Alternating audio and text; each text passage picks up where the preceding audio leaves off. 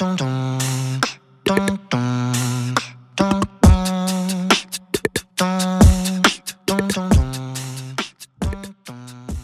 allihopa och välkomna till ett specialavsnitt av Mises ljud som vi hoppas att det ska bli fler av. Um, idén med den här typen av avsnitt är att vi pratar om och fördjupar oss i artiklar som är inlästa på Mises ljud. Så tanken är att eh, fördjupningsavsnitten ska vara möjliga att lyssna på fristående från de artiklar vi avhandlar.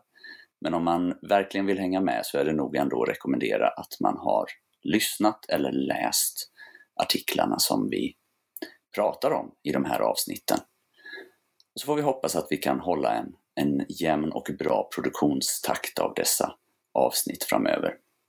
Jag heter Jon Nylander och med mig i studion har jag Benjamin Julin. Hej! Hej! Tjena, tjena! Det här ska bli kul och intressant tycker jag. Um, vi pratade ju lite om vad vi skulle börja med att, att prata om i vårt första fördjupningsavsnitt och vi landade på George Reismans artikel Produktion versus konsumtion. Hur kommer det sig att vi valde det avsnittet egentligen, Benjamin? Minns du det? Ja, när man gör något sånt här så vill man ju gärna lära sig någonting också. Man vill göra någonting som eh, man inte riktigt känner sig bekant med sedan innan. Och jag hade mm. aldrig läst den här artikeln om George Reisman, så började jag läsa den och tänkte ja, men det här är intressant. Och han är en intressant person inom den österrikiska skolan också. Mm. Ja, det är han verkligen. Ska vi säga några ord om, om Reisman först? Ja. Vad är det för person? Absolut. Eh, han studerade under Mises, eh, när Mises kom till New York. Eh, han är objektivist och inom ekonomin, eller inom ekonomivetenskapen, så är han känd för att han försöker förena österrikisk ekonomi och klassisk ekonomi, såsom Adam Smith och David Ricardo. Mm. Och den här texten ska vi säga också är översatt av Per-Olof Samuelsson. Mm. Just det. Ja, men ska vi göra som så helt enkelt att vi dyker in i det. Så det upplägg som vi har tänkt oss är att vi går igenom del 1 av artikeln. Den finns i två delar på Mises ljud och på, på mises.se. Men vi börjar med del 1 idag och eh, försöker avhandla den biten. Får hoppas att vi håller oss hyfsat korta. Eh, och eh, vi kommer att gå igenom varje, varje segment, Eh, läsa upp lite citat och prata fritt om artikeln och så hoppas vi att detta är nyttigt för oss helt enkelt. Så jag börjar helt enkelt med att läsa bara den första, eh, första sammanfattande första delen av eh, artikeln, de första styckena. Så citat. Det finns två grundläggande sätt att se på det ekonomiska livet. Under 1800-talet identifierade ekonomerna det ekonomiska livets grundproblem som hur produktionen ska kunna ökas. Den ekonomiska teorin under 1900-talet tar produktionen för given och fokuserar uppmärksamheten på medel och metoder som ska kunna öka konsumtionen. Slutcitat. Ganska så direkt så börjar Reisman här i artikeln prata om två begrepp. Eh, begreppen produktionist och konsumtionist för att göra en, en form av retorisk poäng mellan två olika idétraditioner kan man väl säga, som står emot varandra. Vad kan man mer säga om, om inledningen av artikeln, Benjamin? Ja, vi, vi klippte ihop lite det här citatet ovan för att verkligen fånga kärnan i artikeln. Mm. Man kan ju direkt säga om konsumtionism att det är lite som med merkantilism. Det är ingen som kallar sig merkantilist eller ingen som säger att den är, ja nu kanske det finns några, men tidigare var det väldigt få som sa att de var emot frihandel. Mm. Ehm, men de här konsumtionisterna, de, pratar in, de säger inte att konsumtion är det enda viktiga, men de pratar som om det är så. Ja, precis. Han nämner ju också Keynes väldigt tidigt som en slags eh, dålig influens i det konsumtionistiska tankesättet. Eh, och eh, man har ju hört många gånger Keynes beskrivas som en neomerkantilist eh, som verkar i, i den gamla, i, i den 1600-talsskolan kanske i hur man såg på ekonomiskt eh, tänkande. Um, men den, den, den, huvudsakliga skiljelinjen mellan de här olika tankesätten, om vi ska börja eh, nagga de begreppen lite i kanten, så är det ju att produktionisten helt enkelt ser det som om att saker och ting måste produ produceras innan de kan konsumeras. Medans, eh, och att det finns omättliga begär helt enkelt. Vi vill ha saker och vi kommer aldrig att vara helt nöjda. Eh, vare sig det beror konsumtionsvaror eller tjänster eller fritid. Medan konsumtionisten eh, ser det mer som, eh, ja vad ska man säga Benjamin, det är konsum konsumtionen i sig själv är en form av konsumtionsbegäret är det som, som driver på något sätt eh, produktionen. Um. Jag tänker lite så här att alla teorier, även de dåliga, finns det ju korn av sanning. Mm. Det är ju sant att det enda syftet med produktionen är ju konsumtion. Ja. Så att hade vi inte haft konsumtion hade vi inte behövt ha produktion. Och Nej. hade vi inte haft produktion hade vi inte haft någon konsumtion. Men problemet är att det är ett litet ensidigt perspektiv. För en, om man driver en affär så är det såklart att det är viktigt, ja men då går det ju bra om folk kommer in och konsumerar. Men det innebär inte att det är konsumtion som driver ekonomin. För precis som du säger, vi har, människor har ett omättligt begär. Vi vill mm. alltid ha saker. Vi är inga grönsaker, vi har mål hela tiden som vi strävar efter. Det mm. behöver inte vara materiella saker, det kan ju vara fritid. Men det är alltid produktivitet som ger oss de här målen. Vi vill alltid mm. ha högre produktivitet. Mm. Precis. Eh, lite längre ner, jag tar ett, ett, ett nytt citat här ur, ur början. Gör det. Så, citat. Den ekonomiska teorin under 1900-talet tar produktionen för given och fokuserar uppmärksamheten på medel och metoder som ska kunna öka konsumtionen. Den förfar som om det ekonomiska livets problem inte vore att producera rikedomar utan att producera konsumtion. Han talar alltså här om, om om konsumtionisternas eh, eh teorier. Eh, där man ser konsumtion som någonting som man behöver framställa mer eller mindre. Eh, för att kunna mätta de som producerars eh, behov av att få jobba mer eller mindre. Är jag ute och cyklar nu, Benjamin? Nej, det tycker jag låter som en korrekt beskrivning. Och också det här att man inte bryr sig så mycket om produktionen. Den tar lite hand om sig själv, utan det viktiga är ju konsumtionen, medan vi andra tänker nog att det är lite tvärtom. Utmaningen är att få till produktionen, mm. men sen kommer människor alltid vilja konsumera. Det löser sig av sig självt. Exakt, det är två diametralt eh, motsatta positioner. Eh, konsumtionisten tar produktionen för given och utgår ifrån att konsumtionen driver den mer eller mindre.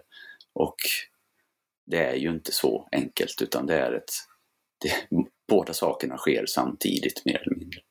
Han kommer ju ganska snart in på sysselsättning som en ganska så eh, talande skillnad mellan de här två olika eh, synsätten på, på världen.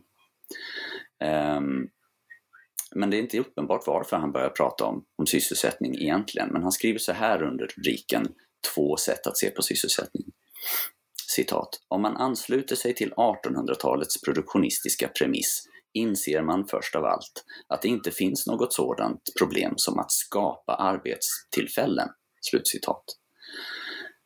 Det är en ganska så tjock mening som innehåller mycket, mycket sanna eh, tankegångar. Skapa arbetstillfällen, det är någonting som konsumtionisten för fram att man behöver göra alltså. Vad säger vi om detta?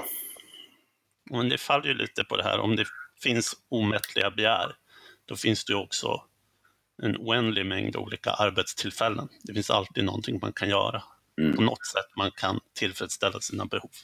Ja, precis. Det finns ju liksom inget egenvärde i att bara hålla på och jobba för sakens egen skull. Ja, det också. Um, utan det är ju resultatet av arbete som är hela, hela poängen. Um, så att det, det förs ju fram då i de konsumtionistiska kretsarna. Jag är fortfarande lite obekväm att använda termen konsumtionist, men vi använder den eftersom Reisman använder den. Um, uh, att, uh, att, att det skulle vara bra i sig själv att, att de som då vill producera ska ha jobb att göra. Det flyter runt termer som full sysselsättning och överproduktion och så vidare. Men om man tänker sig en um, en bonde som har en, en gård och han har en muskeldriven kvarn som han själv måste på något sätt driva med sin egen muskelstyrka. Och så helt plötsligt vandrar det in en häst från ingenstans och, eh, och erbjuder sig att, att driva den här kvarnen åt honom. Eh, då, då slipper han ju det arbetet. Kan det, kan, det kan väl inte vara dåligt? Har han då förstört sitt eget arbetstillfälle? Kan man fråga sig. Um, nej, eh, det har han ju inte gjort. Det beror ju på vad, hur mycket hästen då som helt plötsligt som materialiserat sig kostar för honom, för den behöver väl foder och så vidare. Men så länge som hästen hjälper honom att producera till, eh, så pass mycket så att hästen ska förtjäna sin, sitt uppehälle så är, saknar ju inte han sitt arbete, bonden. Han kan ju göra något annat bara. Um, så det är ökad produktion som som är grejen för, för oss då. Eh, och ökad produktion, det är ju som vanligt, du kan använda det. Du kan använda det för att öka din konsumtion eller så kan du ta ut, den, den, eh, ta ut det i den mest eh, enkla konsumtionsvara som finns, nämligen fritid. Den är alltid omedelbart tillgänglig till dig. Jag tycker nästan den här poängen är det bästa med hela artikeln. Mm. Att när vi får fler maskiner och bättre teknik, ja men då får vi också fler varor. Vi blir närmare våra, kommer närmare våra slutmål.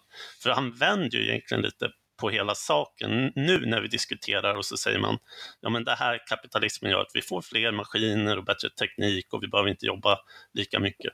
Mm. Då, då säger människor direkt ja men det kan ju ge upphov till arbetslöshet. Men men hela syftet med att vi ens håller på med det här, med hela grejen, är ju att kunna sörja för våra behov. Och han sätter fokuset på det på ett väldigt bra sätt och så inser man lite det absurda i, vänta, vad, vad, menar ni egentligen när ni säger att liksom, det, det är upphov till arbetslöshet? Det, just om man bara tänker lite på det, det är ju väldigt konstigt. Det finns ju, ja, som du säger, det finns ingen egenvärde i att arbeta. Nej, det finns ju däremot ett egenvärde i att vara arbetslös. För om ja. man inte behöver arbeta. Ja, om man är frivilligt arbetslös. Tyvärr är ju Exakt. många människor ofrivilligt arbetslösa på grund av fackföreningars lönepolitik. Men det är ju ett annat ämne. Ja, exakt. Det är ju en, en, en annan take på det naturligtvis. Eh, när folk inte har möjlighet på grund av utomstående faktorer att, eh, att faktiskt producera så att de kan konsumera. Men i den mån som som det vi faktiskt håller på med som människor så är det ju att försöka minska vårt arbete, åtminstone till viss del. I den mån vi älskar vårt arbete och tycker att det i sig är ett, ett egenvärde så är ju det en annan sak. Man kan ha arbeten som man tycker är otroligt meningsfulla och givande och det, det är liksom en annan poäng. En stor del av det vi håller på med är att försöka göra mindre jobbiga saker och det är inget konstigt konstigt med det. Um... Det här är en liten tangent kanske, men jag kan inte låta bli nu att tänka på någonting. Mises har ju kritiserat marxismen på väldigt många olika sätt och en av hans lite mer okända kritiker av marxismen är att den också har förstört många människors arbetstillvaro och liksom deras arbetsnöje, för den, eller arbetsglädje. För den mm. är ut att människor som arbetar blir utnyttjade. Ja. Och bara bara en sån tråkig grej marxismen gör som jag kommer att tänka på just nu. Inte direkt kopplad till artikeln dock. Nej. Det är naturligtvis tråkigt om man hamnar i ett jobb som man avskyr. Eh, men det är inte... Det finns, det finns ju ingenting som säger att bara för att man eh, då hjälper en person som inte trivs med sitt jobb och blir av med sitt jobb, att man faktiskt har gjort den personen en tjänst.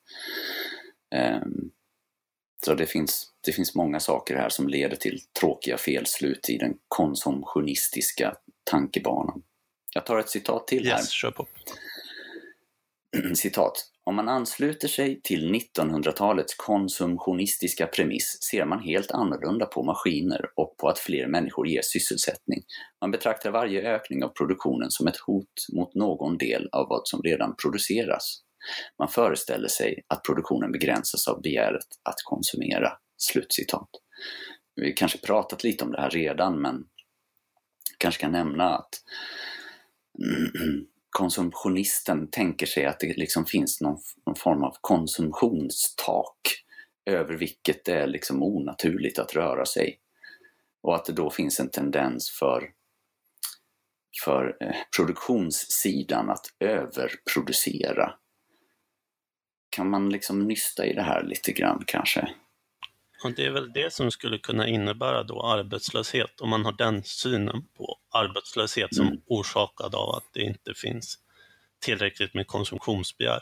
Just det. Och lite, de ser lite grann på det hela som ett, ja, men, lite som ett hjul som måste hållas igång. Så är ekonomin. Och det är konsumtionen som driver det här.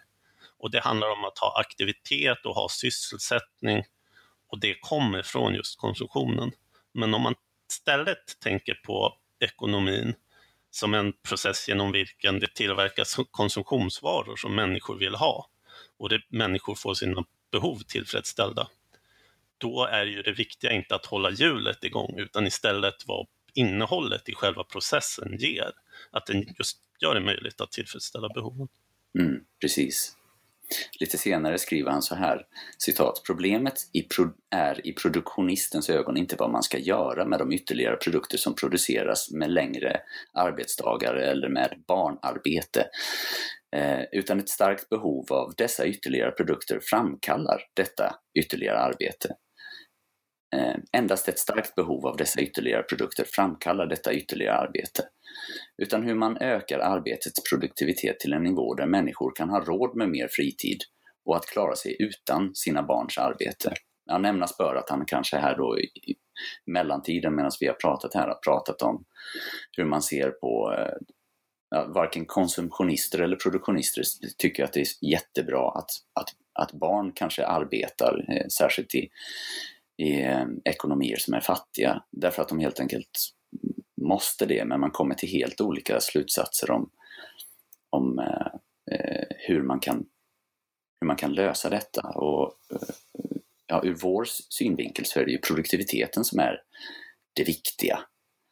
Eh, så att om man vill bli av med barnarbete så är det naturliga för eh, oss i den österrikiska traditionen att tänka ja men det vore ju himla bra om folk hade större välstånd, det vill säga väldigt hög produktivitet så att de kunde välja bort eh, den sysselsättningen, låt säga. En konsumtionist skulle ju snarare titta på ja men hur kan vi göra så att folk inte har det här begäret möjligtvis och eh, därmed sätter barn i arbete. Eller vad tror du? Jo, jag funderar lite på hur man som konsumtionist ser på barnarbete. Han kanske diskuterar det i, i artikeln, men det känns ju... Ja, det blir svårt att få ett eh, enhetligt perspektiv på det om man bara ser till konsumtion. Ja, han skriver så här. Varken produktionisten eller konsumtionisten önskar långa arbetsdagar eller barnarbete. Här kommer de båda så tillvida fram till samma slutsats, men deras skäl skiljer sig helt och hållet åt. Konsumtionisten önskar inte dessa saker därför att han tror att det finns problem med vad man ska göra med de resulterade produkterna. Om inte andra produkter ska upphöra att produceras och om andra arbetare ska bli arbetslösa. Mm, det är väl liksom för stor tillgång på arbetskraft som gör att vissa hamnar i arbetslöshet. Ja. Det är det som är problemet med barnarbete. Ja, det känns ju inte helt logiskt. Det känns ju inte som det självklara problemet med barnarbete. Nej. Inte för att det per definition finns något riktigt problem med barnarbete. Det är ett problem om, om människor svälter och står att välja mellan svälta och att låta sina barn arbeta måste de ju få göra det. Mm. Just det där, den där kritiken av barnarbete som konsumtionisterna presenterar känns ju inte helt logiskt. Nej. Om man ska titta på eh, vad, som, vad som har hänt där, där människor har försökt att liksom adressera barnarbete till exempel via biståndsmanövrer i Afrika där man bygger en skola, skickar dit en massa blekansikten som, eh, som liksom styr upp och eh, ser till att det helt plötsligt finns rinnande vatten och, och kanske en och annan lärare och lokaler. Ehm, och subventionerar, bort, subventionerar barnens skolgång. Ehm, eh, så ser man ju ganska tydligt att så, ja, men så länge som så länge som eh, man tillfredsställer de behov som familjerna i det området har vad gäller konsumtion så är det klart att, de är mindre, att det är mindre troligt att de skippar skolan eh, och, för att arbeta. Utan, men så fort man tar bort den här eh, konstlade miljön som, som bara där är implanterad så, så återgår man till, till eh, eh i större utsträckning till att, att barn återigen får arbeta. Och det har ju att göra med att folk inte har eh, uppnått en, en tillräckligt god välståndsnivå och inte egentligen någonting annat. Det har inte med att föräldrar är elaka och tycker att barn ska jobba och göra eller, eller någonting utan det har med vad individerna på ett medel värdesätter i, i de samhällena. Eh, och att de inte har inte har byggt upp en tillräckligt stor kapitalstock för att ha högt välstånd själva och därmed naturligtvis inte skickar sina barn ut i fälten för att hålla på och jobba ihjäl sig. Liksom. Det där ehm. påminner också lite om, om när barnarbetet avskaffades på 1800 och 1900-talet så vill nog konsumtionisterna mena att det var på grund av lagstiftning. Ja. Men det var snarare så att lagstiftningen sackade efter, att i takt med att människor blev rikare så hade de råd att inte låta sina barn, eller inte sätta sina barn i arbete. Ja. Och sen kodifierade lagarna bara det. Men det var inte lagarna som fick till stånd det, utan det var produktionen. Ja.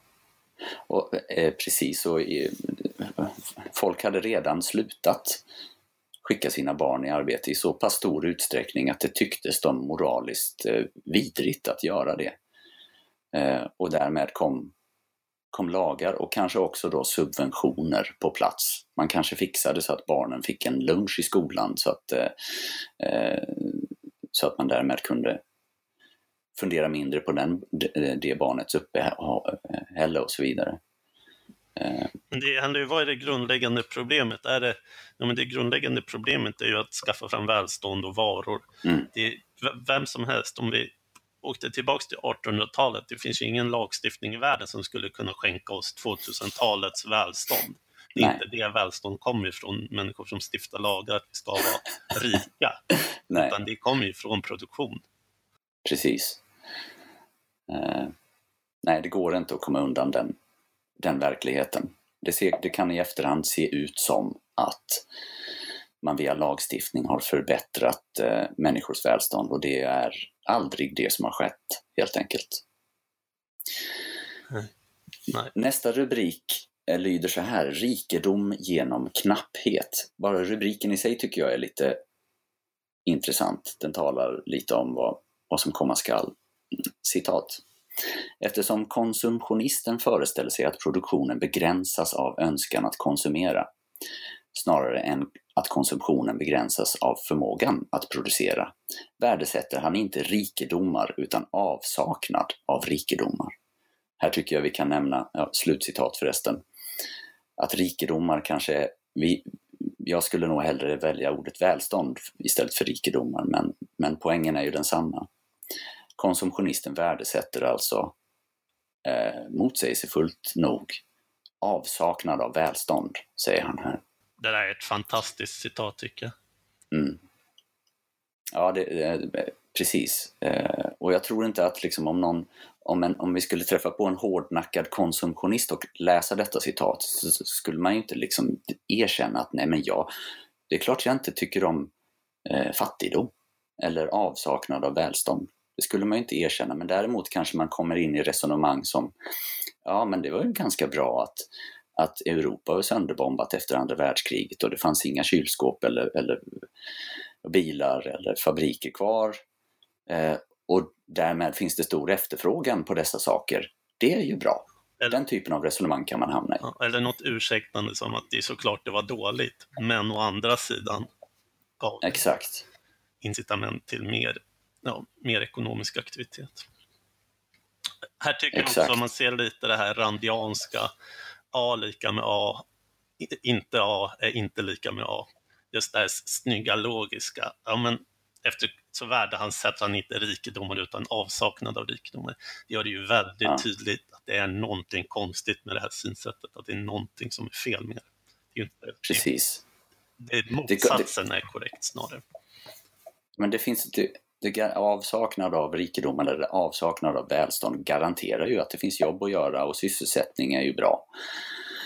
Eh, och därmed så kommer man ju, kan man ju då också resonera sig fram till att, att välstånd är en form av be belastning, mm. mer eller mindre. Och frågan när man konstaterar det blir ju, hur har vi kunnat komma dit vi har kommit? Om så fort man får välstånd så är det alltså ett skäl att inte bygga vidare eftersom man då har uppnått ett mål och då borde man mm. ha, ens törst efter välstånd borde vara släckt. Men det tror jag konsumtionisterna löser genom att de säger, jo men um, det, det finns reklam och sånt som äggar människor till att ändå sträva efter nya, nytt välstånd och ny konsumtion. Men det tar mm. ju Reisman itu med i nästa del av kapitlet. Precis, och det är ju här ur också man kan finna kärnan till uh, broken window, fallacy uh, och så vidare. Exakt. Uh, ytterligare ett kort citat här. Konsumtionisten drar slutsatsen att välstånd beror på avsaknad av rikedomar. Jag måste börja upprepa den här. Konsumtionisten drar slutsatsen av väl, att välstånd beror på avsaknad av välstånd. Så kan man också se det. Och att fattigdom följer av ett överflöd på rikedomar, det vill säga välstånd. Det blir så otroligt, ja, det är huvudet på spiken helt enkelt. Absurda resonemang hamnar man i. Eh, ja. Eh, därefter följer en rubrik som lyder Produktionen begränsar konsumtionen. Um, det här skulle jag då vilja mena är den här nödlösningen de kommer på för att förklara varför vi ändå har kunnat ha ekonomisk utveckling om varje välståndsökning på något sätt bär fröet till sitt eget utplånande. Jo, då säger de att människor föder barn och barn har behov och de säger också att våra behov kommer från en reklam som ger oss nya impulser och nya inspirationer. Ja, jag förstår mm. det. Precis. Ja, han pratar ju här om barnafödsel som, som någonting som en, en, en, en konsumtionist kanske försöker eh, övertyga företagare eller näringslivet om att det vore bra för då finns det ökat konsumtionsbegär eh, i världen. Ehm, men eh, på vår sida då av resonemanget så, så blir det ju ganska tydligt att det, så, så kan det ju inte vara. Det är inte som så att, att när man sätter barn till världen så, eh, så, har man, så kan man konsumera mer eh, per automatik. Man kan bara konsumera så mycket som man själv har producerat och därmed erbjuder i, i, i, utbyte. Utan det som händer är ju att föräldrar konsumerar andra saker och sina barns Men du, du har ju barn. Ja. Kunde du inte konsumera mer när du hade skaffat dem? Tack vare sms-lån har jag kunnat konsumera jättemycket. Nej, men Nej, det är självklart. Det, det faller ju på sin egen orimlighet omedelbart. Det, måste, ja, det blir en stor reality check om man har det här perspektivet att skaffa barn. Ja, ja Keynes fick väl aldrig barn va? Av Nej, olika skäl. men, eh, men han var ju själv ett barn och förbrukade mycket riktigt de rikedomar som hans föräldrar hade lämnat åt honom. Eh, I väldigt snabb takt. Eh, ja, han förbrukade... Nej, men man kan observera det här i, i vilken familj som helst. Eh, och det är inte som så att att barnen sen när föräldrarna väl är döda har tillgång till per automatik bara genom att existera kan konsumera mer för att det finns fler människor utan de kan de måste själva producera någonting och erbjuda eh, för att kunna konsumera. Eh, så det, barn ökar inte efterfrågan, bara dirigerar den helt enkelt. möjligtvis har jag, jobbar man mer för att man har skaffat barn, för att man känner att herregud, jag måste se till att tillhandahålla saker. Och då blir det ju en, en ökad produktion på bekostnad av fritid. Eh, och det är ju bra för alla andra. Kanske inte det första val man har själv. Han pratar ju om reklam också eh, eh, i nästa stycke och, och menar att konsumtionister har en ganska ambivalent, ambivalent inställning till reklam. Då å ena sidan så får folk nya begär utöver de begär de redan har och därmed så kanske det skapar arbete åt de som producerar. Eh, å andra sidan så tar Reisman upp att det verkar som att konsumtionister har en motvilja eller en aversion emot lyxkonsumtion, alltså saker som inte inom citattecken behövs för att upprätthålla någon slags minimalt godtagbar tillvaro. Eh, jag vet inte hur stor det känns som att man hoppar in mitt i en pågående... Mm, det känns också som det här är lite en debatt under en viss tid och kanske mer så i USA än vad det var i Sverige. Här, här har i alla fall väldigt få eh, applåderat eller välkomnat reklamen. Tvärtom är det någonting som ofta får kritik. Ja, uh, ja precis. Uh, nej, det, ja, men han, han, han tar i alla fall itu med den här typen av argumentation på ett, på ett effektivt sätt. Men jag måste säga också att jag känner inte riktigt igen att den här debatten någonsin har existerat i, i min, under min livstid i alla fall. Att, eh, eh, men man kan väl säga... Men det man... Kör du.